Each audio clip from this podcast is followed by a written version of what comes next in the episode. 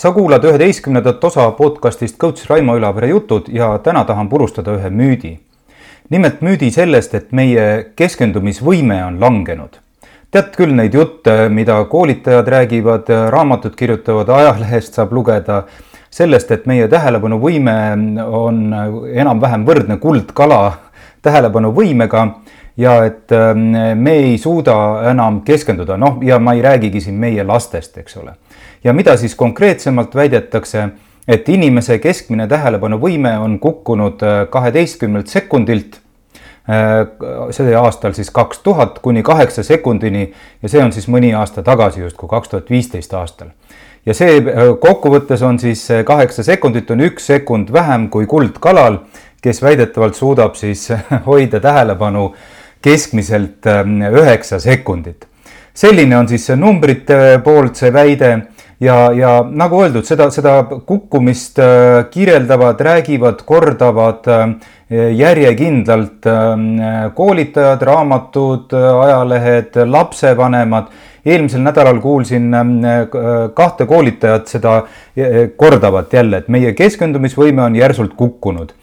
ja no ikkagi jällegi juurde jutud äh, lastest, kes ei suutvat lugeda pahadest nutitelefonidest ja no ühesõnaga, ma sellel pikalt ei peatu, neid jutte tead sa ilmselt isegi.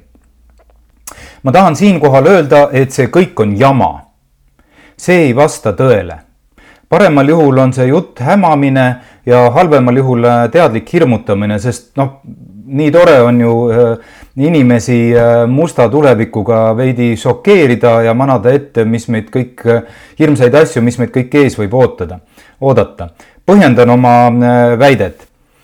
alustuseks sellest, kust üldse see väide pärit on, et meie tähelepanu, keskmine tähelepanuvõime on langenud ja, ja, ja langenud suisa nii palju, et me oleme kehvemad kui kuldkala seda väidet muuseas on paljundanud paljud suured ajalehed, raamatud, juhtimise, eneseabikurud ja nii edasi ja nii edasi. muuseas, mea culpa siinkohal, olen ise ka süüdi, olen ka aastaid tagasi sellest kirjutanud ja täpselt selles võtmes, et meie tähelepanuvõime on languses, tuginedes sellele samale väitele.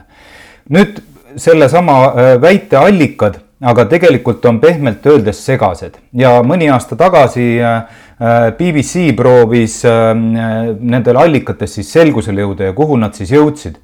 ja suur osa sellest väidetest ähm, tundub taanduvat ühele kaks tuhat viisteist ähm, aastal Kanadas kahe tuhande Microsoftis töötava inimesega tehtud käitumisuuringule.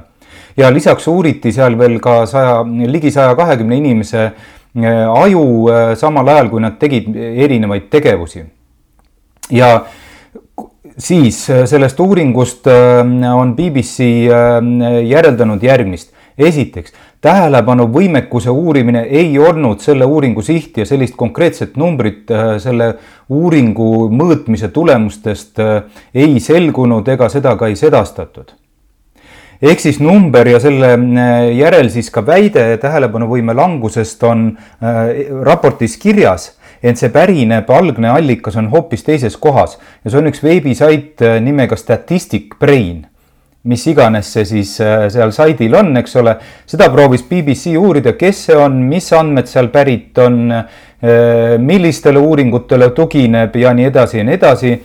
Ehkki näeb välja nagu tõsine sait, siis äh, BBC, olles rääkinud Ameerika ekspertide, psühholoogide, seltside, liitude, ametlike organisatsioonidega, ei suutnud tuvastada, eh, mis asi on Statistic Brain veebisait ja kust nende andmed pärit on. ja vastupidi, eksperdid väitsid, et inimese tähelepanuvõime on aastatega hoopis kasvanud. Kuidas siis nii? no miks, miks see väide alustuseks, miks see tähelepanuvõime languse väide on jama? esiteks, keskmist tähelepanu on ülimalt keeruline kui mõõta ja tegelikult seda ei olegi võimalik mõõta, sest sellist asja pole olemas. Tähelepanu on selektiivne ehk seotud konkreetse tegevusega. mõni tegevus nõuab rohkem tähelepanu, et seda hästi teha, mõni vähem. nii et me ei saa siin öelda, et, et keskmine on ainult inimesest sõltuv, see sõltub ka väga palju tegevusest teiseks, meie tähelepanu pikkus mingisugusel tegevusel oleneb väga-väga palju sellest, kui tähtis see asi meie endi jaoks on. ehk mida me ise nii-öelda sellesse tegevusse panustame emotsionaalselt mõnede tegevuste, asjade suhtes oleme me väga tähelepanelikud, ehk teisisõnu võime hoida oma keskendumist neil tundide viisi. noh, me kõik suudame ilmselt seda ette kujutada, on asju, millel me tõesti oleme võimelised väga pikka aega tähelepanu hoidma ja teistel tegevustel noh, öeldes äh, niimoodi üldistavalt, et need on igavad, tüütud, ebahuvitavad kui keskendumine nõuab suurt pingutust, eks ole, me peame seda millegipärast tegema, see ei ole üldse huvitav ja nii edasi ja nii edasi, siis äh, nendel tegevustel ongi raskem hoida ja tõenäoliselt, kui väga olulist vajadust ei ole, me nendel hoiamegi vähem tähelepanu.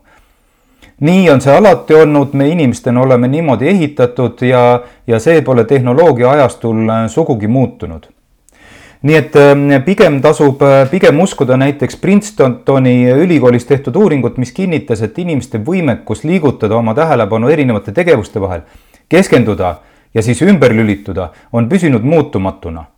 ja, ja pane tähele, nad ei uurinud sellist asja nagu keskmist tähelepanuvõimekust, sest ka nemad väidavad, sellist asja pole olemas ja see jutt muuseas, nagu ma eelpool viitasin, läheb veel paremaks. mitmed uuringud ja eksperdid väidavad sootuks, et me oleme õppinud aja jooksul oma tähelepanu paremini ära kasutama, mis võimaldab meil paremini hankida keskkonnast rohkem informatsiooni ja seda kiiremini töödelda. ehk info hulga kasv on sundinud meid hoopis äh, paremini äh, nii-öelda tulemuslikumalt keskenduma, tulemuslikumalt infot töötlema niisiis pole ehk vaja liiga palju muretseda selle pärast, kui äh, lapsed raamatuid nii palju ei loe, et nende keskendumisvõime on kuidagi kahanenud. lihtsalt see tegevus äkki ei sobi neile. Või ka meie endi võime keskenduda on kuidagi järsult kahanenud, on, on järgmine suur hirm, ei ole, pigem on küsimus, mis ja kes on meile tähtsad ning kas me oskame seda äh, vahet teadlikult teha. kui ei, siis tõepoolest me hüppame tegevustes ringi nagu liblikad lillelt lillele muuseas, lõpetuseks lihtsalt remargi korras. kuldkala, kellega inimese tähelepanuvõimet võrreldakse, noh muidugi kontekstis, et kuldkala on totu ja, ja tema mälu olematu ja, ja ka nendel muuseas pole mõõdetud kunagi sellist asja nagu keskmist tähelepanuvõimekust, siis kuldkalal, nende käitumist, kuldkalade käitumist on ometi väga-väga palju uuritud ja, ja seda üle saja aasta juba on erinevaid väga palju uuringuid. ja fakt järeldus uuringutest on, neil on olemas mälu ja nad on nagu väga-väga õppimisvõimelised olendid. muuseas, nagu ka meie inimesed. Selline sai tänane lühike jutt äh, keskendumisvõime langusest. Pole põhjust muretseda. Äh, tehkem parem selgeks, mis asi on tähtis, mis asi mitte ja küllap siis meil ka see keskendumisvõime on kõigil olemas ja vajalikul hetkel äh, saame seda kasutada nagu ikka, seda ja eelmisi äh, postka-, podcast'e saad kuulata või podcast'i episoode saad kuulata iTunesis ja Spotify's. Äh, järgmisel korral jälle järgmised jutud, kuuleme veel